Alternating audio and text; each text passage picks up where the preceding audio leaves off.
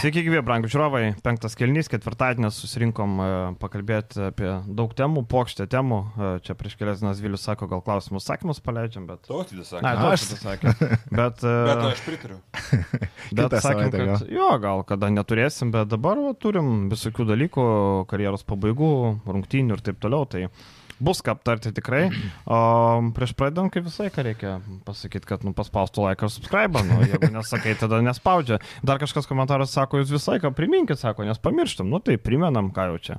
E, nepamirškit paspausti, atsidėkojat už darbą ir nieko čia. Rekordą įkalėm praeitam podcast'e. 1-4, man atrodo, ar Jo, 1-5. vienas penki laiko, tai neblogai. Neblogai, visai smagu. Um, gerai, aptarsim, yra smagių temų, yra nelabai smagių temų, nors, nu, kuri čia nesmagi tema. Nežinau, tu Lietkabelis. Nu, Ai. nu jo, teisingai sakai, bet pradėkim nuo ryto, ne? Reikšmingiausias mačas išgyveno, pateko į, krintam, į, į top 16 po įkrintamųjų. Apie pačias rungtynės daug kalbėti nereikia, viskas labai panašu, kaip ir buvo pirmame mače. Tik kad rytas gal pradėjo toks perdegęs, gal ten kamuolių nesugraibė, labai daug norėjo padaryti, bet iš esmės pokas yra pokas. Jo, matėsi, kad kai kurie žaidėjai galbūt su to atmosfera šiek tiek nesusitvarkė su tom emocijom, nes persiteikė tą žaidėjams, persiteikė tai ir pokui, persiteikė tai ir rytui. Labiausiai man iš tikrųjų matėsi ant Jarvio Williamso, žaidėjas visada labai emocionalus ir šį kartą galbūt O tų emocijų buvo per daug. Markusas Fosteris pirmus du kėlinius irgi žaidė tragiškai iš tikrųjų.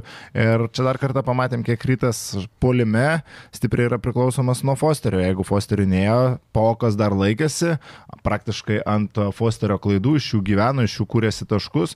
Antroje pusėje Fosteris realiai sužaidė gerą atkarpą ir to rytui užteko. Bet man labai keista, kai Fosteris, Fosteris yra ant bangos. E, Fosteris yra lyderis komandos ir Fosteris meta buvo vienas momentas iš dešinio krašto visiškai laisvas į statinės situacijos. Nu, man labai keista, kaip komanda tokios svarbos rungtynėse, realiai tavo vos nesezono rungtynės, leidi varžovų vieninteliam žaidėjui tarptautiniam lygiai individualiai stipriausiam tokius metimus įsimesti. Man buvo žiauriai keista. Paskui tokios situacijos, kur kažkiek pauk lygiai parodo ten tokie nekokybiški stepautai, čia ir trenerio klaidos, ko gero, kažkokie treniruotėse netidirbimai, nes labai nesunkiai tiek Friedrichsonas, tiek ir tas pos Fosteris splitino tas situacijas praeinant ir draskant e, į vidų. Nu ir tas pradžia tokia labai slogi, bet, nu, paaiškinimas čia viena iš to situacijų, kadangi atmosfera, aš kiek suprantu, buvo, nu, ten tiesiog žvėriška, kas buvo tose rungtynėse ir iš pažįstamų sakė, kad, nu, viena geriausia apskritai, kokia tik buvo, čia jau įskaitant ir tuos LKL finalus. Nes kadangi ir tie PAOK fanai labai stipriai prisidėjo, tai kažkiek ryto žaidėjai nuo to apsvilo, kadangi ir Ehodas su kairiu buvo apšokinėti pirmam kelny absoliučiai. Paimkim polime atkovotus kamuolius, tai off reboundus laimėjo 13-5 PAO komanda pirmojo rungtinių pusė, bet vėliau visa, visiškai iš tą eliminavo rytas ir Po to 13 pralaimėjo. sugebėjo susitvarkyti ir padaryti tai, ką ir turi padaryti. Komanda su Railiai, komanda su Janiku Frankė, jie nėra, jie netapę geresni žaidėjai. Ok, Railiai gal ir tapęs kažkiek įgavęs to tartautinio krepšinio patirties, kai jisai persikėlė iš Enkailo, bet Janikas Frankė jis tikrai nėra tapęs geresnis žaidėjas nuo pasvalio laikų. Visi margaričiai, kaip pagrindiniai centrai, 40 metais, Bizonas, nu tai čia nėra rimta komanda ir rytas ją turėjo pasimti ir, ją, ir, ir tai padarė. Ten tas pralaimėjimas Graikijoje buvo tiesiog Nu, katastrofa, bet gerai, kad susitvarkė. Ir aš suprantu, kad Gedris Žibėnas iš pagarbos varžovui turi kalbėti, kad, na, varžovas stiprus, čia turėjome įveikti, bet, nu, nėra stiprus varžovas ir mes tai pamatėm ir kitas pasakymas, kas mes tokie, jūs esate Lietuvos čempionai. Prisiminkit, jūs esate Lietuvos čempionai, vis dar ginantis titulą, tai su Graikijos vidutiniokais, būtent tokie yra pokai, su vidutinėmis asmenybėmis komandoje, na, tai yra įveikiamas varžovas ir gaila, kad prireikė trečių rungtynių, bet tos trečios rungtynės, kaip ir pasakai, na, mums padovanojo vieną įspūdingesnių atmosferų ir čia tikrai pagarba visų pirma rytos ir galimas, bet tribūnai, kaip jie sugebėjo mobilizuoti šią mačą, kiek žinau, mobilizacija buvo tikrai maksimali, ten rinkosi žmonės, kurie dešimt metų jau turbūt nėra tribūnoje ir Kurie atsargoje buvo. A, taip, tie, kurie Atsargos buvo karininkai. ats- atsargos karininkai, visi susirinko, Nes nes jų labai daug buvo, iš tikrųjų. Nes iš tikrųjų mažai mes kalbėjom, kas yra pokas, a, tarkim, kaip varžovas rytui. Tai buvo principinis varžovas, kaip žinia, ryto ir gali, bet tribūna 10 metų turi maždaug draugystę su Ares Ultrom Super 3. Ir ten jau Salonikose buvo tam tikrų momentų, ten, kaip žinia, rytos ir gali buvo išvesti iš, e, iš arenos, tie patys Ares ir gali jiems padėjo iš teisės saugos gniauštų išsivaduoti Salonikose. Tai ta prieš priešą jau vien iš to buvo. Ar fanai padėjo? Taip, Aris a, Kokiu būdu jie padėjo? Aš A- praleidau iš tą, kažkur buvo rašyta. Ne, aš kalbėjausi su tam tikrais Bet asmenimis. čia ir- įdomu, kaip, kaip jie padėjo. A, tiesiog, ta prasme, tai gal atvažiavo į, į komisariatą, padėjo kalbėtis, pavertėjavo ir taip toliau. Ne, tikrai nes, Pas nesigi... konsteblius prisistatė. nesigilinau, kokiu būdu padėjo, bet tikrai kalbėjau, kad, na, sulaukė pagalbos iš Ario tenais, kai atsidūrė a, policijoje. E, B tribūna, tai ta draugystė, kaip ir sakau, čia nėra užsimesgusi šiaip savo ir tos skanduotės. Arės tikrai nebuvo šiaip savo sugalvota, kad pas, paprovokuot pauk, ta draugystė yra ir yra a, gana seniai ir tai yra viena priežastis, kodėl tas konfliktas tarp ryto ir pauk jau buvo numatomas iš anksto. Kita priežastis, na, mes kalbam, kad Cervenas Vesda yra vatnikų klubas, kad Partizanas yra serbai, Pokas yra turbūt vienas didžiausių vatnikų klubų Graikijoje. Prisiminkim, kad klubo savininkas yra labai skandalinga asmenybė, tai Graikijos rusas, kuris tiekia pagalbą Ukrainos regione, ne ukrainiečiams. o- Fantastika, kai rusų oligarchai turi pilietybės, bet žiūrėkit, jisai su Kipro pilietybė. Nu, Taip, come on, tai čia yra Atsimeni, jisai- Lazaras Papadopoulos buvo centras, turėdavo rusų pilietybę. Tai pabaigiant, tiesiog galbūt kažkas nežino, tai POK savininkas yra veik, toks veikėjas, kuris uh, Luhanskė ir Donetskė sukilėliams tiekė pagalbą ir tai yra apie tai rašyta graikijos žiniasklaidoje, rašyta labai daug, o patys POK ir galiai prasidėjus karui, čia jau neprasidėjus, perėjus į kitą fazę, sakykime taip, vasario mėnesį iškėlė banerį Putin outs your time to show power. Tai Jo, buvo šitas Tai mačiau. da- daug ką, daug ką pasako, iš tikrųjų, iš kur ta priešprieša, čia turbūt žmonėms paaiškint, kodėl čia tas rytas, po, kodėl čia iš vis kažkokia priešprieša gali būti. E, Aš prie rungtinių grįžtant, e, keli pastebėjimai. E, Gytis Masiulis labai mažai rungtiniavo, matėm, pakilo nuo suolo antram kelni, tik tai iš viso tik 8 minutės. Lukas Uliackas didesnio pasitikėjimo sulaukė, bet man šitas įdomus sprendimas. Gytis Masiulis vienas brangiausių tavo komandos žaidėjo, taip jis polime nedeliverina, e, bet Uliackas ar jisai geresnis gynyboje, ar, ar kur, vat man šitas įdomus epizodas buvo iš esmės. Čia jau čia ir buvo tie e, dedas. e, Pasiūlymai, apie kuriuos kalbėjo Gėdrius Žibėnas, bent jau aš iš tų nestandartinių sprendimų mačiau būtent Uliacko gausės minutės, Masiulį šiek tiek nuimta ir, na, galima sakyti, tai pasteisino, aišku, kaip ir sakai, na, Uliackas nėra kažkuo jau labai ypatingesnis žaidėjas nei Masiulis, bet jis tose rungtynėse neblogai atrodė gynyboje, perimetre susikeitęs jis man gerai, gerai atrodė ir tai Jis visai gynyboje veikia. nėra tikrai blogesnis žaidėjas už Masiulį. Ne, tai aš net, ne, nesakau, kad geresnis, sakau, blogesnis, tiesiog perimetriais tvarkingai labai atrodė tose rungtynėse. Perimetrė geresnis gynyba, bet arčiau krepšio tai neaišku, ten nebuvo to arčiau krepšio žaidimo. Lekūnas nežaidė, šiaip rytui keliaujant toliau į top 16 etapą, laukia tokia grupė, kur labai daug šansų, kad galima patekti toliau, bet e, lygiai taip pat gali likti su baranka. Sunku nuspėti rytą, tai nėra ką. E, prasideda top 16 kovos ką jau kitą savaitę, ne? Taip, Jo. su Manresa išvyka. 24 dieną, tai to pastiprinimo, jeigu reikia, tai reikia labai greitai ir labai skubiai. Um, Ką, kas varžovai? Bonus Telekom Basket, Manresas Bačiai turėtų būti, ne? Vėliau. Mhm. Bačiai. Jo, jo. Nes kažkas Baksis sako, dar Aš sakau Bačiai. Nes uh, Bačiai. kataloniškas. Taip, taip, tai aš sakau, Bačiai. Ja, ja, Okay. Bačiai, bačiai. Ir Bakčiai Šehyras, Turkijos prezidento valdomas klubas, garsius pavardės, daug žinomų žaidėjų. e, Holas, e, Lankstonas Holas, e, ne Devonas Holas, aišku. Gistas, Bucelė, Jaka Blažičius, kurį kažkada Žalgris norėjo paimti, na, ne, ne kažkada, prieš praėjusią sezoną matėm, norėjo paimti Blažičių, paėmė Strelniką. Vėl nežinau, ar būtų buvę geriau labai. Nemanau, didelė skirtumą. Jo, e, man įdomiausia, aišku, Bonas Telekom Basket komanda, kuri Vokietijos lygoje žygiuoja antroje vietoje, e, turi Tomasą Isalo, e, trenerį Suomį jauną, kuris tikrai laikomas labai gerų specialistų ir manau, kad dirbs ir Eurolygoje, gal tą patį Trinkerį pakeis, kuris gal išvyks į turtingesnį klubą, arba Albai, gal pona Gonzalezą pakeis. Prie Bakčižegir, tik dar jeigu uh Mhm. -huh. šiek tiek grįžta, nepaminėjai vieno labai įdomaus žaidėjo, ar polime, manau, kad tempiančio komandą, ir su kuriuo rytas turės daug. Džamaras. Smithas? Be abejo, Džamaras Smithas. Tai kaip ir sakytos pavardės, Bakčižegir, man atrodo, galbūt net įspūdingiau negu Bonas. Bet žaidimas tai bet tragedija. faktas. Faktas, kad e, Bonos klubas pagal žaidimą yra geriausia grupė komandoje, geriausia komanda grupėje, juos įveikti namuose įmanoma, bet aplenkti grupėje aš nemanau, kad yra daug šansų rytų, nes tai yra tiesiog stabili komanda. Jie susirinks penkias pergalės šitoje grupėje, mano nuomonė tikrai.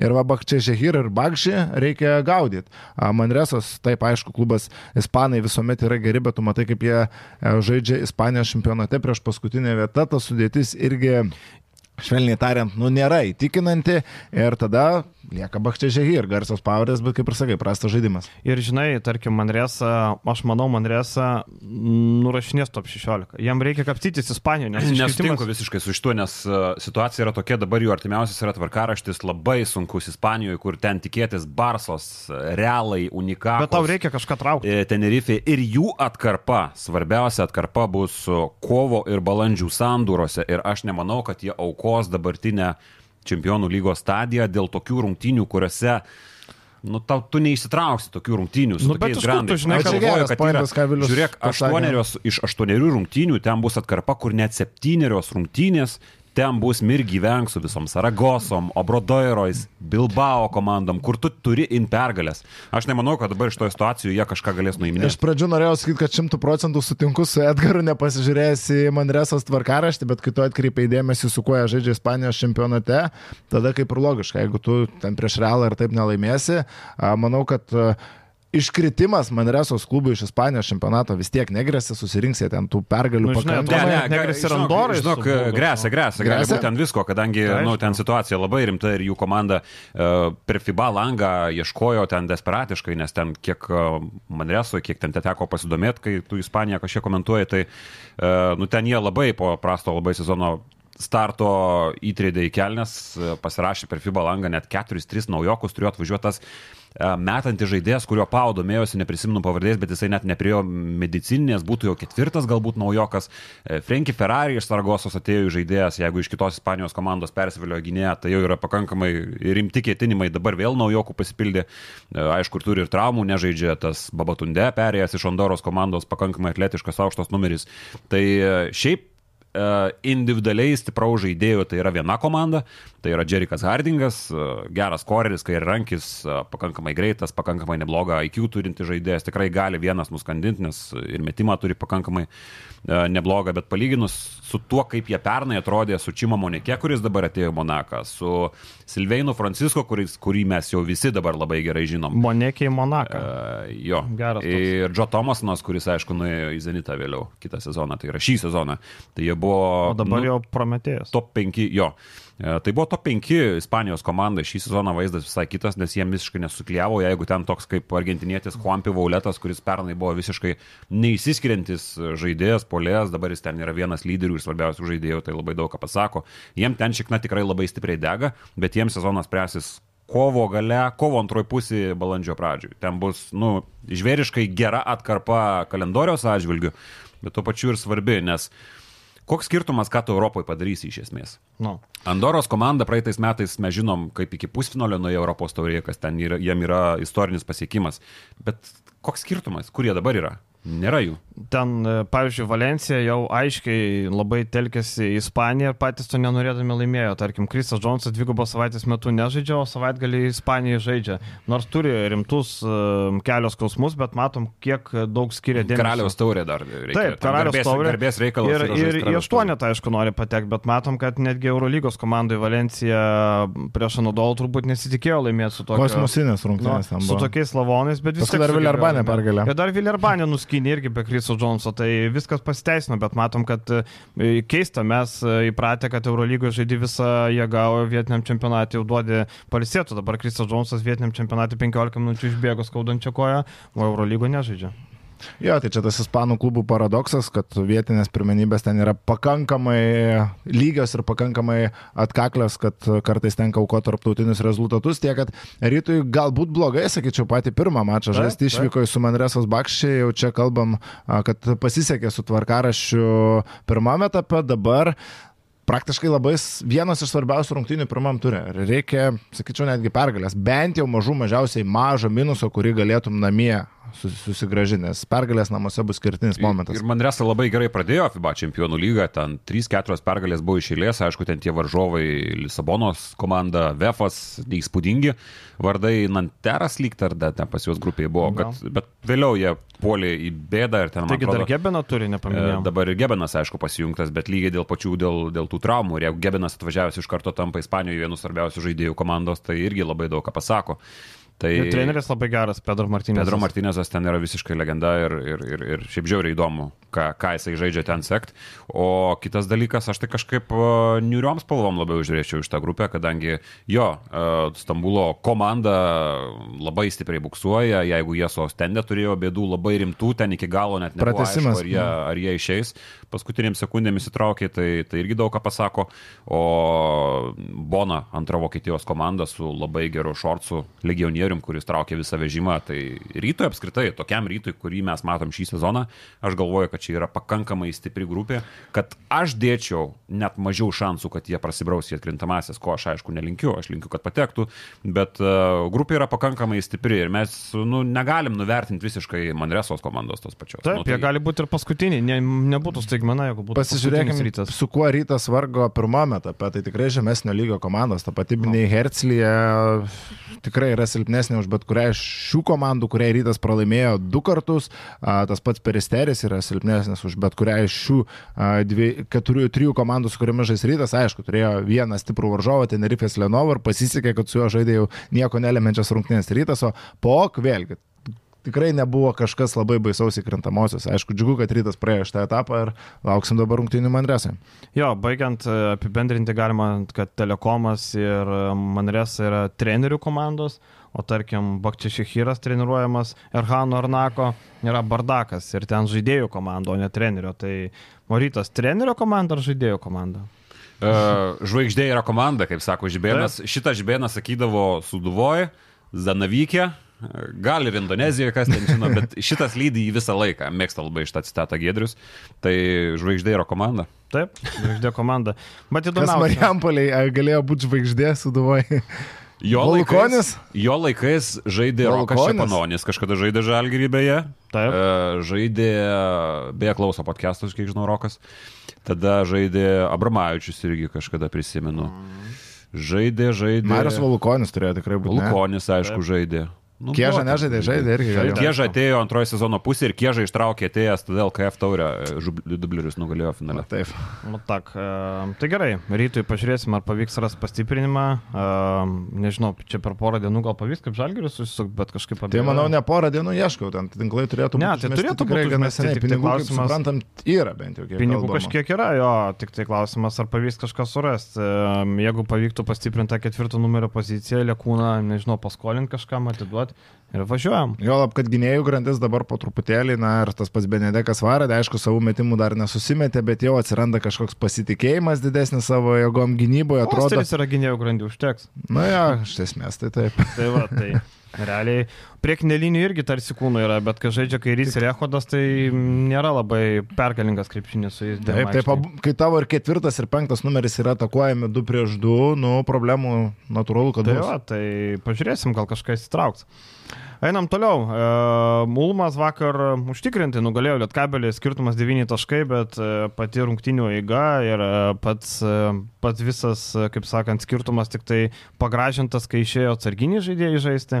Ulmas visą galvą geresnė, greitesnė komanda buvo. Ulmo negalim sakyti, kad tai jau tokia jaunimo besiriminti komanda. E, Matėm nuo sezono pradžios atkabino du žaidėjus, Mobley, Robinsoną, jos pakeitė puikiai pažįstamas Brandonas Polas, Bruno Kaboklo, kažkada Raptorsų super mega projektas, e, taip ir nevirtęs nieko sėkmingu.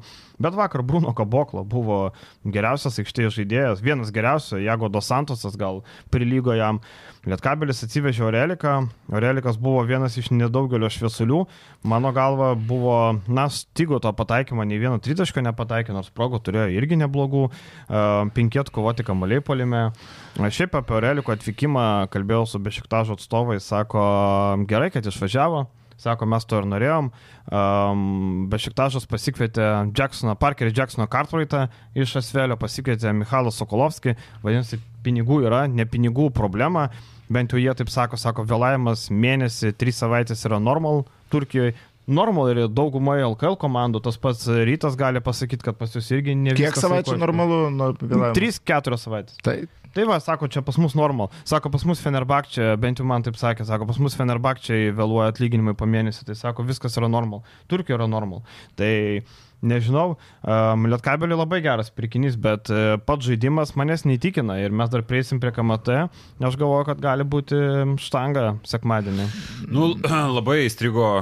Čia jo, apie Oreliką ko gero kalbėti lygiai tas pats, kas kalbėti buvo praėjusiam savaitėm apie Izėją Taylorą ir, ir Akilę Polonarą ir vis dar apie Akilę Polonarą. Iš esmės, aš galvoju, kad, nu jo, jis yra ritme, jis atvykęs iš komandos, kurioje žaidė, kurioje žaidė stabiliai, metė po 10 taškų, bet, nu vis tiek, nurašykim tas pirmas rungtynės tai prastai atkarpai. Strunas Urbanas jau trina rankom. Prastai atkarpai. Polonaras bus aukso peršys įtrauktas. Gynyboje labai stipriai medžiojamas buvo Gediminas, tada tie metimai 0 iš 7, labai nemaža dalis buvo labai gerų kokybiškų metimų įsimesti ir visi buvo nu, pramesti, akivaizdžiai kol kas nėra ritme dar savo komandoje, kurią labai gerai pažįsta Aurelikas, bet uh, tu kažkada esi sakęs mūsų podcast'e, kad uh, Aš nesuprantu, kodėl Čanakas laiko tą stepautą. Jis akivaizdžiai neveikia. Neveikia. Tu esi taip sakęs ir, ir aš galiu tą patį pakartoti lygiai iš tos rungtynės. Visas rungtynės buvo taikoma ta pati gynybinė sistema, bet Ulmui... Netaikoma buvo... ketvirtą metų. Jo, jo. Čia kaip Šileris nieko daugiau nedarydavo tik Aisą. Bet, nu, labai patogu buvo. Ulmui labai gražiai slipindavo tas užtvaras arba tiesiog po klasikinės užtvaros rolindavo po krepšiu arba su šortrolais, numesdavo kamuolį gal ant perimetro, tas kamuoliukas labai gražiai išsisukinėjo įtikinėjo visokie kleipišai su to, savo tais metimais, kur net nenuleidus kamulio iš karto pakeltą kamulį atakuoja. Kleipišas kaip kokio kiemo vaikėzo pravardė. Jo, Kleipišas, labai mažai skašė. Žekulberio fino. Nu. Bet uh, nudominavo Ulmas, visose rungtynėse dominavo ir kad čia skirtumas yra vien ženklis, tai yra labai gerai lietkabelių iš kitos pusės. Man labai keista, kad tokie tritaškiai kartais netgi buvo, nu aišku, mes nežinom tokios situacijos, aš vis žiūriu, aš nenoriu kažką blogai pagalvoti apie komandą, nes mes nežinom sutarimų, ar, ar ten yra akivaizdis kylė komandiniai gynyboje, ar jie tiesiog rizikuoja nuo kito žaidėjo, bet tu turėk omenyje, kad tu atiduodi tritaškius komandai, kuri yra viena geriausių tritaškininkių visoje Europos taurėje. Yra tokia statistika, kad Ulma šiaip daugiausiai, trečia daugiausiai metanti komanda tritaškių, aštunta turinti geriausią procentą mhm. ir per rungtynės pataiko 11 tritaškių, kas yra trečias geriausias Europos. Vakar vidurkį savo pasiekė. Jo, ir tu atiduodi tokiai komandai metimus. Nu, man labai buvo keista. Ir, nu, Ulmas dominavo visiškai. Bet ir iš arti, žinai, pažiūrėk, 10 dvitaškų tik prametė, tu apsigynė tik tai 10 tokių metimų, tai, nu, labai mažai. Lietkabel šiaip dobėjai, tu sakyk, ką nori, aš nežinau, ar Aurelikas e, gali ištraukti ją. Vakar Peno nebuvo problema, mes čia skalpuojam Peno, vakar, e, vakar Peno, nu ką ten, išdalino tos keturis asistus, bet tie asistai, nu gerai, keli buvo highlightiniai, kur ten greitojo atakoje dar kažką. Bet komandos valdymo aš nematau. A, tai šiaip ne, Lietkabelio problemos matėsi rungtynėse su Neptūnu. Ta prasme, jeigu Klaipėdos klubas atvažiavęs be trenerio, žaisdamas be Žygimanto Janavičiaus, gana užtikrintai, sakyčiau, ir pelnytai sugeba laimėti. Ir Matas Jogėlai tapo nesustabdoma už Oskaras Pleikys. Oskaras Pleikys. Lietkabelio jau tose rungtynėse man buvo raudonų šauktukų, kad ne viskas tvarkoja. Neptūnas tikrai buvo geresnė komanda ir apskritai Neptūnas paliko labai, labai solidų įspūdį, ypatingai kalbant apie jo gėlą. Tikiuosi, kad vat, būtent galbūt tas pats Lietkabelis ar kažkas kitas iš Europinių turnyrų, Europinėse turnyruose žaidžiančių komandų suteiks jo gėlai šansą kitą sezoną išbandyti jėgas aukštesnėme lygyje. Ir šiaip pasižiūrėjus visą Čanako erą, tai Lietkabelis pastaruoju metu turi, na, tokią didžiausią kaip ir duobelę, galim taip pasakyti. Realiai pastaruoju atkarpa tokia, nu, nėra labai graži, jeigu taip žiūrint jau nuo gruodžio mėnesio, Tai pralaimėjimas e, Vilkam, pralaimėjimas, nugalėta Brešo, tada Rytui pralaimėta, Bursai pralaimėta, Žalgiriui, Žuventutui, Vulsam, e, nugalėta Juventusas, išpersta pergalė prieš Jonavą ir dar vėl pralaimėta e, Prometėjui, pralaimėta Neptūnui, pralaimėta Ulmui. Ir dabar laukia vėl Utenos Juventusas, kuris atvažiuos. O prieš Vilkus palonė pergalė buvo? Buvo iššūkis. Namie pralaimėjo. Čia dar akcentuoti reikia iš to dalyką, kad po vakar pralaimėjimo Klužas labai uh, nepatogią pergalę iškovojo prieš Liublianą ir kas reiškia, kad e, Lietkabilis pagal skirtumą dabar krenta į tą iškritimo zoną už brūkšnio, kas vėlgi mes labai daug kalbam, ką mes matom virš Lietkabilio. Uh, nu, sunku gaudyti kažką dabartinėje situacijoje ir Lietkabiliu reikia kažką keisti. Ir Gediminas Orelikas, aišku, gali būti vienas iš tų žaidėjų, kurie kažką, uh, kažką pakeis duodami iš savęs. Uh, bet šitos komandos bėdos yra labai gilios. Morisas nu, europiniam lygiai galit žiūrėti statistiką, galit kažkokius skaičius pateikti, bet taškų įmeta daugiau. Lyderis nieko. jis nefunkcionuoja tiek, kiek ant ko šita komanda yra pastatyta. Jis turi būti pastatyta ant pirmo numerio, solidaus pirmo numerio, kuris pusėtinas pernai buvo Radičevičius, bet mes dabar, paim, mes daug kartų užnekėjom, mes paimam Radičevičių vietoj peno ir tai būtų, kaip tu sakai, spalvotas televizorius, mes galim išgrūsti. Čia Jonas Vainauskas sako, aš ne. Jo, tai ir tu pasėmė legionierių, ant kurio labai daug pastatyta. Tu pasėmė Žiolko Šakičių, ant kurio daug pastatyta, bet jis šį sezoną nebežais, ko gero. Aurelikas ateina vietojo, matysim kaip su Aureliku. Tai jau bet, pagal, bet tu negali tikėtis, kad šaus Rupštavičius, Murauskas.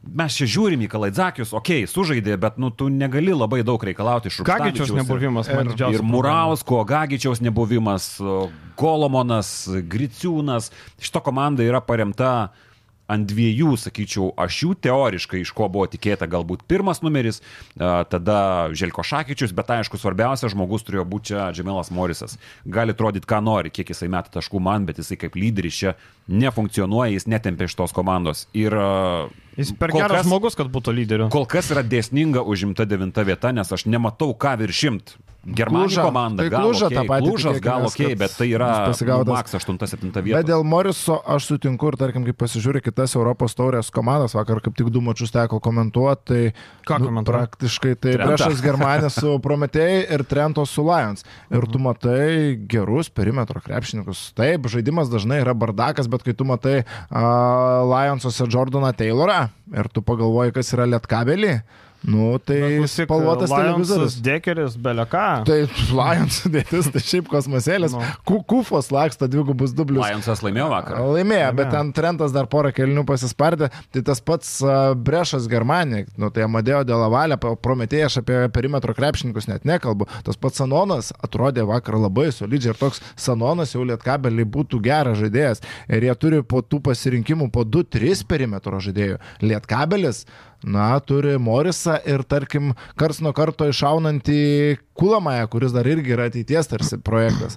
Tai tikrai nusileidžia talento lygių praktiškai visoms Europos taurės Ir komandoms. biudžeto nusileidžia, Taip, nepamirškime. taip, jeigu pernai pavyko iššauti, tai čia niekas nekala Lietkabelio prie Mhm. mm. kryžiaus. Mes suprantam, kad labai sunku tarp sezonų pereikiot komandą iš naujo vėl išlaikyti tą patį lygį. Tiesiog kalbam apie problemas, kurios Ir žinai, akivaizdžios. ir kokios kitą savaitę atvyksta Burgo Breso komanda, bet jinai yra grupės lyderė. Burgo Breso komanda rodo labai gerą žaidimą, čia linkėjimai ir Mariui Leonavičiui, kuris dirba tame klube.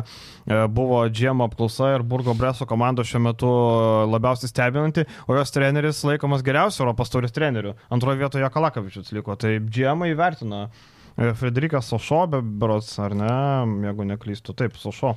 Ir, Tai- ir, ir, ir apie tą kritiką dar Lietkabeliui, tai nu, nėra labai toli nuo savo teorinių galimybių, ką mes galėjom kalbėti prieš sezoną Lietkabelis, tai nieko tai nepasako apie kritiką kažkuriam vienam ar kitam nesužaidusiam žaidėjui, arba taip kaip Kulimaja, Rupštavičius, Murauskas ir Orelikas vakar tritaškius metai tik 2 iš 18, kas yra tikra tragedija, bet, bet aišku, šitas e, skaičius nėra realija, čia yra labiau anomalija iš tos pusės, bet e, kalbant apie pačią komandą, tai, nu, ji yra tokia. Ir aš Europos taurę vis dar vertinu Lietkabelio lygį kaip pakankamai rimtą turnyrą ir čia niekas šitos komandos prie e, kryžiaus nekala, tiesiog yra tam tikros galimybių ribos su dabartinė komplektacija. Ir viskas. Taip, ir mes prieš sezoną kalbėjom, kad uh, Lietkabeliui dviem frontais žaisti jau pernai buvo sunku, šiemet bus dar sunkiau ir būtent dėl to mes dėliodami, atsimenu, vietas LKL turnyrinė lentelė po reguliaraus sezono, berots visi Lietkabeliui skiriam ketvirtą vietą, nes jie žaidžia daug įtemptesnį tvarkaraštį nei Wolves, jie žaidžia daug įtemptesnį tvarkaraštį nei Rytas, kuris FIBA čempionų lygoje žaidžia kas trečią savaitę. Ir tai atsiliepia rezultatams LKL, atsiranda pralaimėjimai Neptūnui, atsiranda tos gilesnės duobės, bet aš kažkaip vis tiek galvoju, kad antroje sezono pusėje a, naujai surinkta komanda Lietkabelis pradėjo žaisti geresnį žaidimą, kad po truputį... Jau prasidėjo antro sezono. Nu, pusė. antra sezono pusė prasidėjo, bet antroji sezono pusė... Bet antros geres- antra dar neprasidėjo. Antroji sezono pusė Tai jau bus vėl Europos tai taurėj. po truputį iš tos duobės išlips ir aš galvoju, kad pavasario lietkabelis bus geresnis už rudens lietkabelį. Tiesiog tai būna praktiškai kiekvienais metais su Nenado Čanako vadovaujamam komandom. Tai aš to tikėjimo turiu. Blemba, žinai, nuo Europos tauriai, tai kita, dar kitą savaitę į Klūžą teks keliauti, ten jau gyvenk mirkė, jeigu pralaimėsi, jau minus e, viena pergalė. Bus e, realiai Lietkabelio blogai tai, kad visi paržovai yra išvykas ir Ljubljana, ir e, Breša, tie artimiausi. Namie lieka Venecija, Burgo Bresas minėtas ir Fruit Extra. Tai realiai net namie pasimti bus sudėtinga ir Venecija, ir Fruit Extra. Ar dar kaip kalbėjom, kamete mačas laukia su Ir dar Utenos KMT laukia. Juventus, kur irgi lengva nebus. Tai Lietkabeliui krūva reikalų, kaip sakant, krūva reikalų, bet kaip viskas krepšinėje, žinai, dabar visi džiaugiasi, oi, saugom Čanaką, čia viskas, o dabar gali būti vasara taip, kad Lietkabelis gal nenorės Čanako pasilikti. Tai čia, žinai, kaip viskas. Vargu. keičiasi. Nu, LKL labai daug kas priklausys, Taip, taip. kadangi... Jeigu kamata mes- nepatenka, Alkelė nelaimė Apie medalį. Europos taurę jau kalbėjom, šiaip pakankamai ribotos perspektyvos, okei, okay, išsprūstų iš 7-8 vietų, sorry, bet su Ankara ir Gran Canaria, tokia kokia jinai yra dabar, nėra absoliučiai jokių šansų. Ankara tai iš vis. Bet viskas priklausys tiesiog nuo LKL, o tai mes kalbėsim apie tai pavasarį. LKL, tai aš nesakyčiau, kad Lietkabeliui likti be medalių būtų tragedija, vertinkim objektyviai, nepatekimas į pusinalį būtų tragedija. Likti be medalių, a, tu turi tris klubus, kurie yra gerokai turtingesni už tave.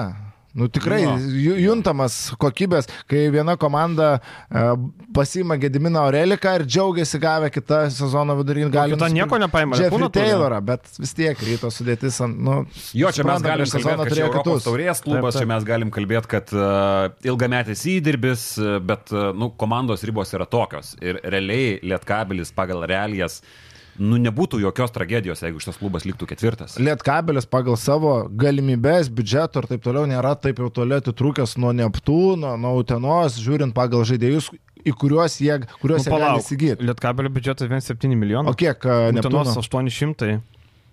Ten 900 sakė, tai... Ne, jau, jau žemiau, žemiau ketvirtos tai jau neleis. Ne, tai aš, jau, ir, jau ne, tai aš, dar, ne, aš nesakau, kad jie yra, aš sakau, Bent tai jau nėra didelis atkrintamasias patek atotrūkis. gerai būtų. LKL. Aš sakau, kad jiems tragedija būtų nepatekimas į pusfinalį. Šileris pasveikintų medalių. Čianaką. Taip. Ket- Ketvirta vieta yra tarsi tas rezultatas, kur, nu, tarkim, nu, ketvirta vieta. Sveikinu, sako, su patikimu Bet, pasvalį. bet klausyk, bet po to pasvalys daugiau nebepateko. Prakeiks mašina. Ir dabar nebepateks, ir pernai nepateko. Tai prašau, Čileris pasveikino pelnytai. Tai va, tai jo, čia žinai, Lietkabeliui tada, kaip sakant, nėra to blokas neišėtų gerą, tada Čanoko jau niekas nebenorės pirkti ir bus lengviau įsaugoti, jeigu sezonas bus nesėkmingas europinis arba vietiniam fronte, tai e, kaip ir viskas gerai, bet aišku, niekas nelaimėta, niekas nepralaimėta, tai žinai. Galim likti prie šitų kovų, pasižiūrim šiek tiek į kamatą, ne? Turim Vulsą Žalgerį 16 taškų skirtumas. Turbūt e, jokių kalbų nėra, viskas aišku. Ten, kur turėjo teoriškai būti ko neįdomiausia, nu vis tiek aš Vulsų tikėtasi, kad pasipriešins nulis intrigos. Nulis. Ir, bet žinai, tam čia, nu, tam čia gali būti įdomu tik tai, jeigu, pavyzdžiui, Vulsai turėtų ir Keiverą, ir Taylorą, nu, Tayloras turėtų žaisti, viskas gerai. Uh, pasimatuot, kiek, kiek jie, kokie jie pajėgų, žinai, kiek Jo, jie bet, gali. žinai, Žalgiris, jeigu ten mat, po dviejų kelnių bus apilgus rezultatas, nu nesiplėšys. Ta prasme, kad jau... Aš manau, kad čia gali būti visai geras mačas, kadangi No. no. Žalgeris bus po penktadienio. Aišku, niekur važiuoti nereikės, tiesiog viena koja čia, kita ten, Žalgerio arenoje ir tarp namų. Bet uh, aš manau, kad netgi visai neblogus šansus galim tikėtis iš Vulfsų dėl pergalės, uh, bet labai gerai iš Maksvyčio ir iš Žalgerio. Ko nepadarė rytas, aš vis dar pykstu ant, ant šitos komandos. Pykstu ant visų komandų, kurios yra aiškios favoritės, bet į rungtynės žiūri labai atlaidžiai, negerbė žiūrovų, negerbė kažko. Aš kalbu apie tas rungtynės su nevėžiu pirmam, pirmose rungtynėse KMT. Žalgeris pažiūrėjo reikalą labai rimtai. Jau buvo Jeffrey Tayloras, bet jisai žaidė tik tai pirmas ar antras rungtynės. Motivacija buvo didžiulė, plus 18 ir užsitikrintas ramus gyvenimas. Aš galvoju, kad Vulsai gali pasikapo dabar dėl pergalės. Dabartiniai Vulsai kokie yra dabar, bet uh, reikalai iš esmės šitoje serijoje išspręsti yra. Ir aš galvoju, kad e, Žalgeris turėjo omeny tai, kad jie žaidžia tas rungtynės, kur Tayloro pirmas, o Bakneris nežaidė. Jie turėjo omeny, kad žiūrėk, jie gali būti po tų trijų savaičių stipresni, tai mes tai duodam maksimumą. ir Aš nemanau, kad jie ten į tas detalės žiūrėjo, tiesiog pasidarom rezultatą pirmame mače, kad antram galėtumėm gyventi ramiai ir tiesiog, kad tai nu, ten- nebūtų intrigos. Nu taip, tiesiog, kad Viskas tos aišku. detalės vienas prie vieno čia nemanau. Bet vis tiek dabar. Vulsai geresni nei buvo Faktas, tada, faktas. žinai. Tai, um, sausio Visur kitur įdomu. Jo, tada toliau. Juventusas atvažiuoja minus 4 panaikinti. Juventusas, prašau, Lietkabelis Orelika pasikvietė. Uh, Vulsai turi ir, ir Brauną, ir Žedžį Linčą, ir Nikoličius grįžo po traumas. Juventus, kaip Vulsai. O, Juventus. Juventus, sorry, sorry. E, Ir grįžo Nikoličius. Dar būtų gerai, kad pilną pavadinimą pasakytum. 7bet Lietkabelis galim pasakyti. Kito pavadinimo negalim pasakyti. Kitą pavadinimą pirmadieniais minim. Taip, tai čia žinai. Um, kokie šansai Juventusui, ką jūs galvojat? Aš tai vis tiek Lietkabelį laikau e, favoritu, jeigu tu išvykai pasimi plus keturis, namuose tą persvarą išlaikyti bus e, lengviau. Ir taip, iš tikrųjų, Juventus žaidė pirmus du gerus labai kėlinius prieš Wolves, antroji pusė subirėjo. Ir Nikoličius duoda labai nemažai, patiko man šito žaidėjo fiziškumas, jo tas pirmas žingsnis, kūnas, viskas labai tvarko, aš galvoju, kad ženkliai sustiprino komandą, aišku. Bet trečio, trečio numerio būtent pozicija. Taip. Jis yra žaidėjas, bet Juventus jis reikalingas kaip trečias. A, Iš, išvyko Evansas, Brandonas Braunas jo taip nepakeis, vis dėlto tai yra komandos tokios kaip Prienai galimas lyderis, ne Utenos klubas, tai čia atsivėrusi spraga.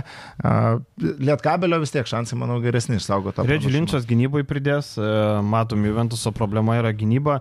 Alstonas labai prastai gynasi ir kiesteste, ir statistikoje, ir sinergy, kur be pažiūrėsi, Alstonas gynyba labai prastas. Tai manau, kad e, Linčas e, pa, pastogos, kaip turi būti, jisai turi pa, paklijuotą gynybą.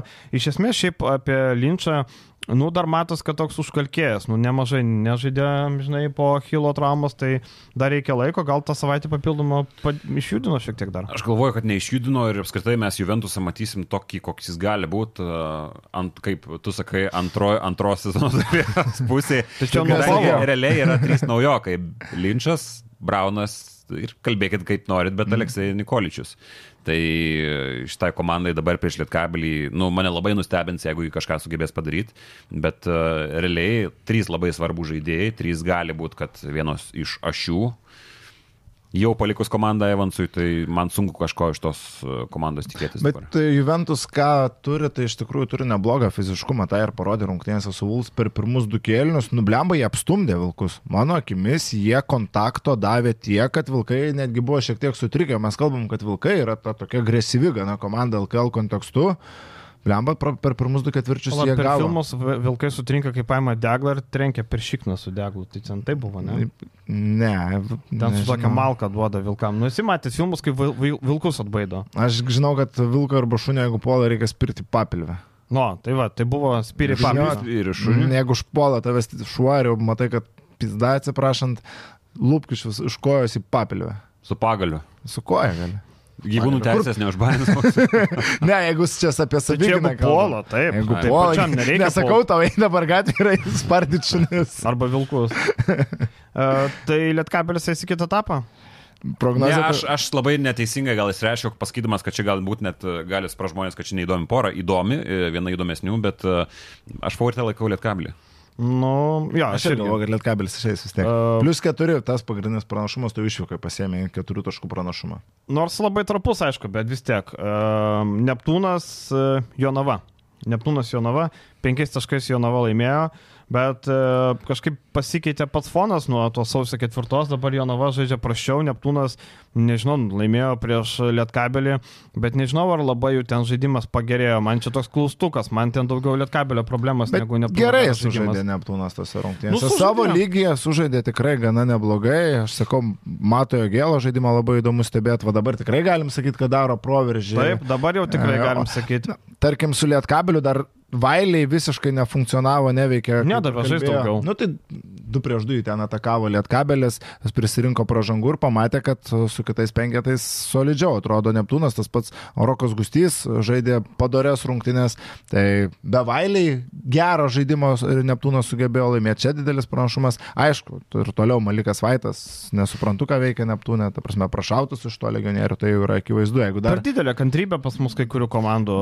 Mes Malika kartais- Vaitą pabaigsiu pakeisk normalaus lygio perimetro žaidėjų, legionierių. Kur Neptūnas gaus normalaus ne, lygio? Tai, tai faktas, bet čia jau prieš sezoną. Ta prasme, nesakau, kad tenais elitinių žaidėjų, bet nu, kažką galima buvo geriau gal rasti. Pirmos rungtynės, man atrodo, buvo uh, tuomet, kai čia tos pačios rungtynės, kai Jonovai busą sugedo ir jie su fanų Taip. autobusu atvažiavo. Mm -hmm. Tai legendinės rungtynės ir pirmos rungtynės buvo Glinui Watsonui. Iš, iš vis pirmos dviejos jo rungtynės buvo labai smagios, priešaudžius, e, paskui antros rungtynės prieš Lietkabelį buvo keturis tritaškius, man atrodo, pataikė Watsonui, tai polime davė impulsą, paskutinės rungtynės su garždais e, labai silpnos buvo iš jo pusės, bet, e, nu, Jonava vis tiek yra favoritai iš to situacijų. Ir- Nors e, jo, kontekstas yra dabar visiškai kitoks, kadangi Lietkabelis dabar, e, Neptūnas šiuo atveju yra kitokia komanda nei kad buvo tada. Iš vis, tarkim, dabar toli ieškoti nereikėjo. Brendonas Braunas mėnesį birštonio pizzerijoje valgė, sėdėjo birštonė, laukė pasiūlymų. Kodėl negalima buvo Brendono Brauno pasikviesti? Jis nėra 5000 žaidėjas, Brendonas Braunas yra 5000 žaidėjas. Kodėl negalima buvo Maliko Vaito nukatinti ir paimti Brenną Brauną. Tai buvo žemai kabantis obolys ir jis yra tas žaidėjas, kokio Neptūnas ieškojo, kad galėtų paskolinti Janavičius, yra organizatorius, gynyboje tritaškis e, šį sezoną dar prašiau negu buvo. Breno Brauno pasikvietė, tai yra tas žaidėjas, kur nuo suolo gali nešti energijos, užmesti, užbėgti. Kodėl nepasėmė Brauno? Tai buvo, va, stovi, va, tau prie durų, pasimk. Nepasėmė. Kartais mes čia, žinai, šnekam, kad kai kurie klubai turi per mažai kantrybės, čia keičia, ta, ta, ta, ta, ta, ta. O kai kurie klubai per daug kantrybės turi. Net kabelis su Peno, e, Tai Neptūnas. Neptūne su dar. Malmanis yra, bet Malmanis kažkiek duoda gynyboje, bent jau aišku, ten nežinau jo kontrakto sąlygų. Aš nežinau, sakė, kad gynybai bet- duoda, bet pasižiūrėjus į skaičius nematau A. niekur. Tai nežinau, iš kur ta gal, gal, žinai, gal skaičiai ne viską fiksuoja, bet su skaičiais jis yra blogiausių penketukose e, visur. Tai nežinau. Brazijas akcentavo, kad ir šiaip Nu. su Neptūno žaidėjų atstovais tekia yra kalbėti, jie patenkinti Malmanio gynybą. Tai gal, Nu, gal ne visada tebūnie. skaičiai viską parodo. Nu, Nes, Jo, tebūnė. Čia, Bet žinai, šiaip tada, žinai, ši- šiauliai ten su Duvie, pavyzdžiui, kentėjo, bet tada galiausiai paleido jį, žinai. Tai kartais per daug tos kantrybės. Nu ir paskutinė, aišku, para. Įdomiausia. Įdomiausia. Vienareikšmiai. Rytas prieš nevėžę turi minus 8. Ir dabar va įdomu, kas su tais minus 8. Aš tai prognozuoju, kad rytas eina toliau. Aš tai prognozuoju, kad nevėžės eina toliau. Aš tai prognozuoju, kad rytas eina toliau. Aš tai su nevėžiai, na žinokit. Man atrodo, mes per daug gerai galvojam apie nevėžį. Taip, jie yra solidus, jie žaidžia prieš visus gerai, bet jie žaidžia išvykoje ir dabar jau pas juos bus tokia, rytas, žinai, ką turi, jie nepralaimėjo nei vieno lemiamo mačo šį sezoną. Visus lemiamus laimėjo. Jo, iš šitas ir man labai nepatinka klišė, kad uh, nevėžys yra neparanki komanda rytui. Kuo? Tris. Kuo? Tik Tris- dėl rezultatais. Tris kartus jau šitos komandos žaidė Taip. ir nie karto rytas nelaimėjo Rezultatais taip, 8 bet taškų. kuo, kuo realiai ji yra neparanki komanda. Nevėžys Kuo yra neparankesnis Žiūrėk, nevėžis, ne, aš nesakau, kad e, būtent rytų nevėžys yra neparankus. Nes aš, vat, aš Nevėžis yra neparankus daugam. Iš esmės tai komanda, kurią sunku prognozuoti. Ir va. jeigu pataikys ant geros dienos, kai žagaras tau mėtys trajekus, stebekus, netikiu visiems, bet būtent. ryto. aš Taip, tą aš nesakau, kad rytui. Tiesiog nevėžys yra sunkiai kontroliuojama komanda. Žaidžia smagų krepšinį ir jeigu jie pasigauna gerą dieną, Nublemba sustabdyti ją sunku. Dabar pasipildė e, Freemanų priekiniai linijoje, kuris gynyboje gali duoti labai nemažai. Tai solidus žaidėjas, apskritai labai tvarkingą įspūdį paliko Freemanas, toks kovotojas, besistumdantis į blipą ant lentos įma kamolius. Jo tandemas su Danieliumi Lavrinovičiumi. Nu, man labai gražiai atrodė. A, prieš pasvalį tiesiog suvalgė antroji pusė nevėžys pieno žvaigždės, atrodė dvi skirtingo lygio komandos. Ir tai atrodė realus vaizdas. Ne tai, kad tiesiog, vat, pavienės rungtynės nevėžys geriau uždė. Ne, tai buvo skirtingo lygio komandų žaidimas. Nevėžys šiuo metu yra kitoj lentynoje, nei, tarkim, pasvalio klubas. Taip, Ir taip. tai yra realybė.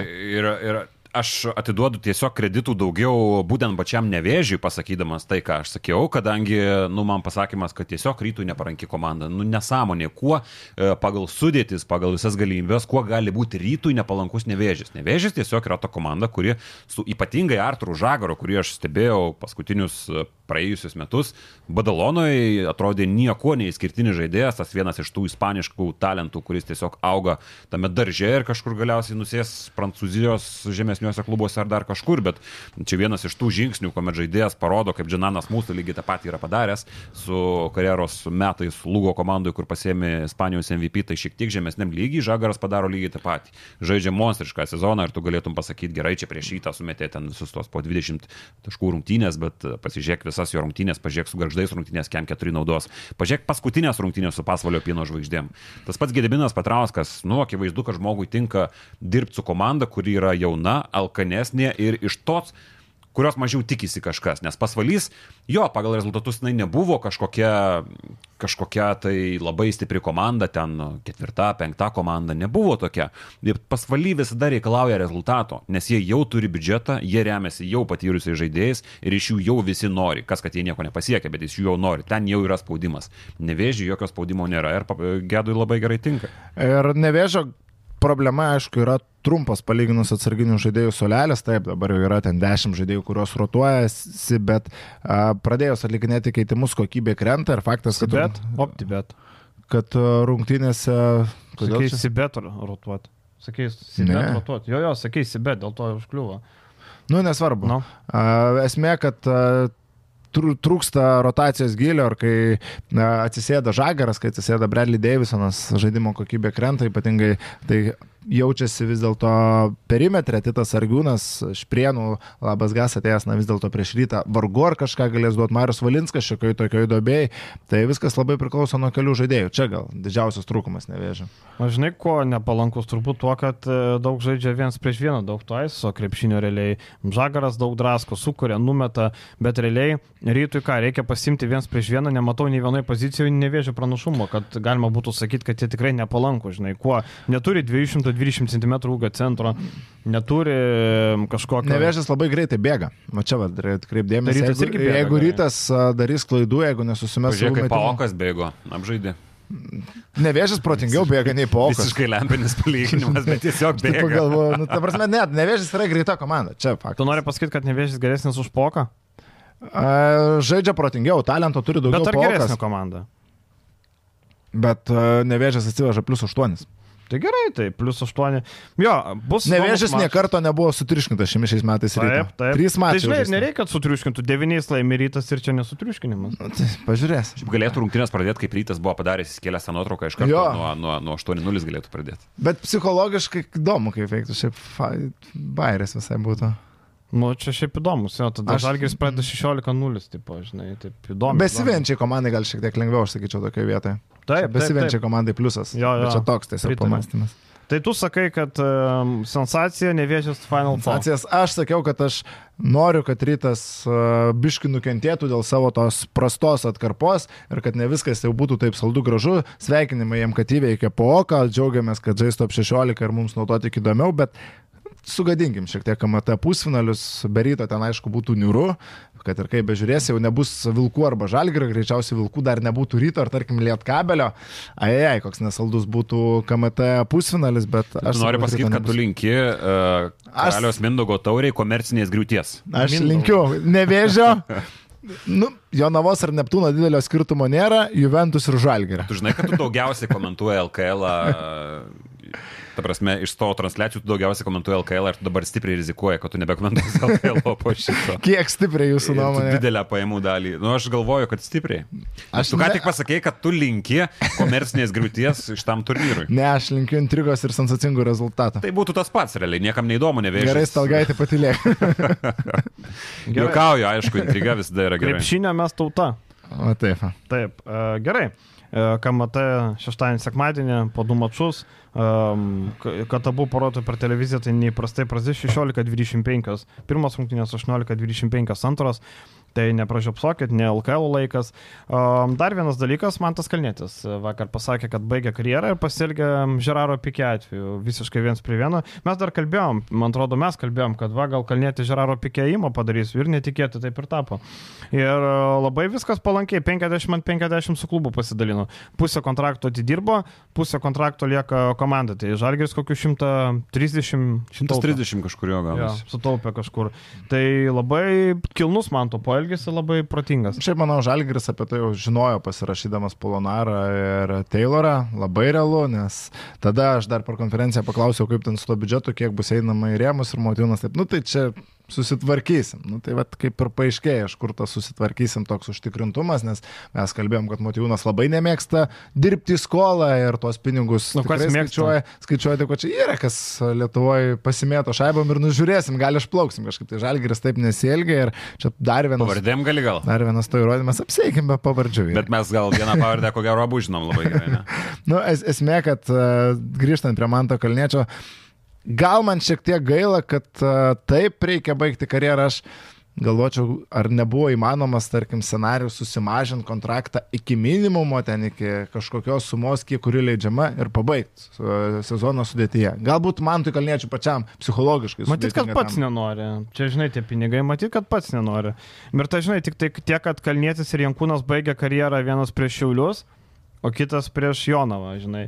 Na, aišku, nu ką tu taip, nu Nu, nepataikysi. du prieš Servenas Vesdą baigė. Nu, jo, jo, žinai, nepataikysi dabar, žinai, galvoti apie Eurolygos rungtynės. Nu, ar tu esi tikras, kad tavo Eurolygos rungtynės su Tomantui duosi žaisti? Ne, ne. Neverta, tai aš manau, kad plus Žalgeris labai gerai daro promo tom rungtynėm, kur ateitų tik abonementų savininkai. Dabar papildomų bilietų tikrai nusipirks ir ateis pagerbti kalnėti. Nu, apie Jankūną praeitais metais tą patį sakė, atėjo dvi štukos. Bet e, Čia, Bet čia jau buvo nusivylimas, Žalgiris. Jo, jo, nu, tiesiog. Jo, čia visai, kitas, visai, bangos. visai kitas sezonas. Ir šiaip e, Gal ir turi racijos sprendimas, kadangi mes matėm, kaip jiems sunku yra žaisti, nu, nes akivaizdu, kad sunku, nes jis nėra. matai mačą šiuliuose? E, šiauliuose su kuo? Su šiauliais.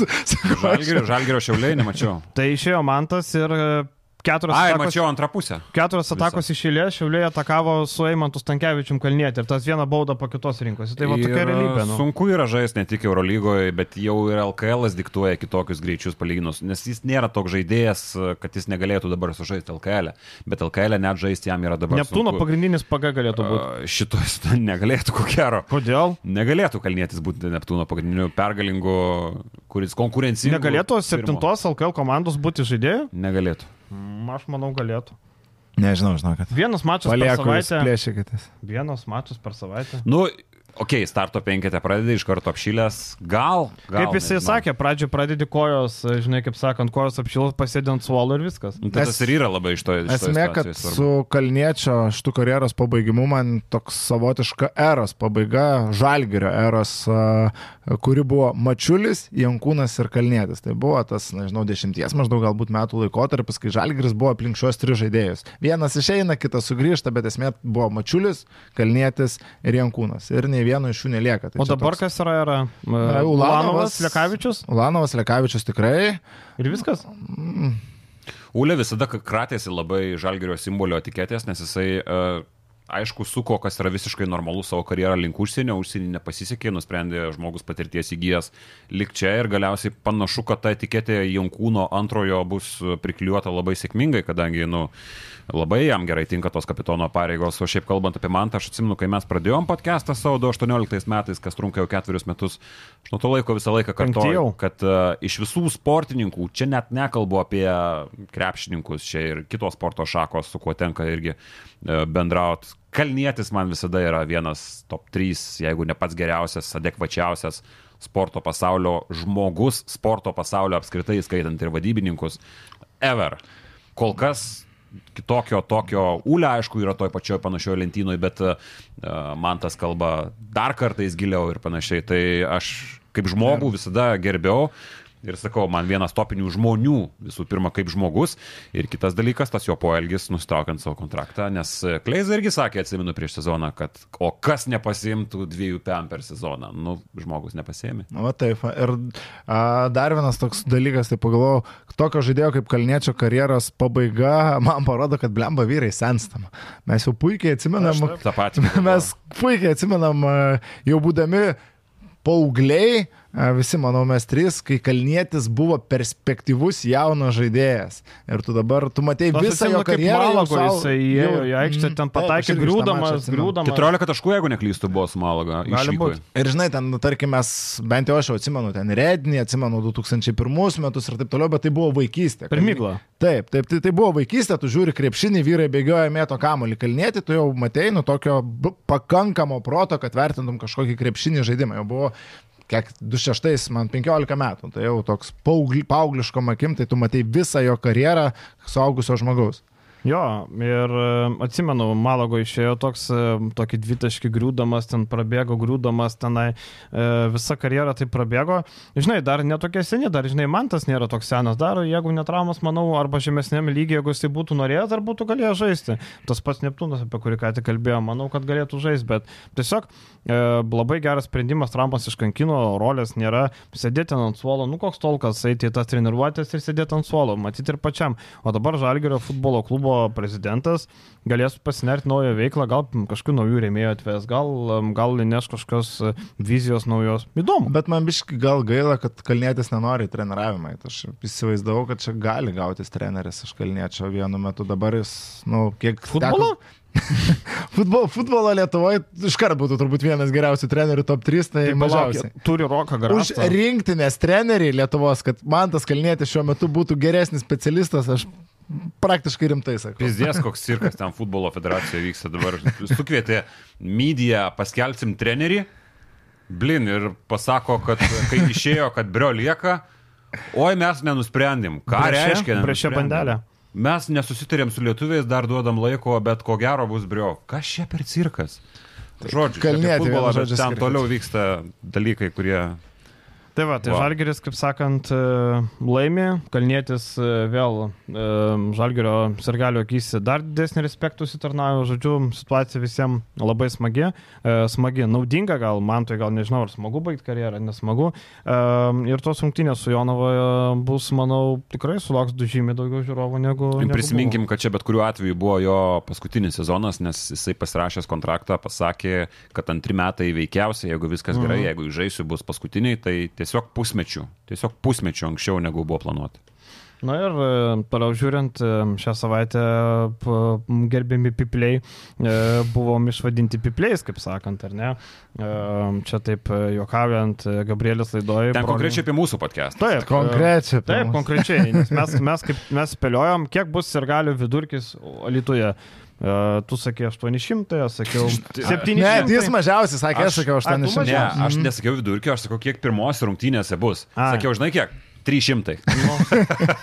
Tai va, tai Dariušas sako, čia pipliai susėdė podcast'e, sako, čia taip, čia dirbam, nu, pipliai, va, to Aš tai visada už, kad ir mus patrauktų per dantį, jeigu mes esam neteisūs, jeigu pasakom, kokią nesąmonę, aš susirašiau dar su Dariušu po to, šiek tiek pasijokėm iš tos situacijos ir e, viskas yra tvarkoje, tik ką aš nu, gal norėčiau pasakyti, nu, niekas prieš sezoną turbūt nesitikėjom, kad Vulfs tiek daug dirbs su sirgaliais.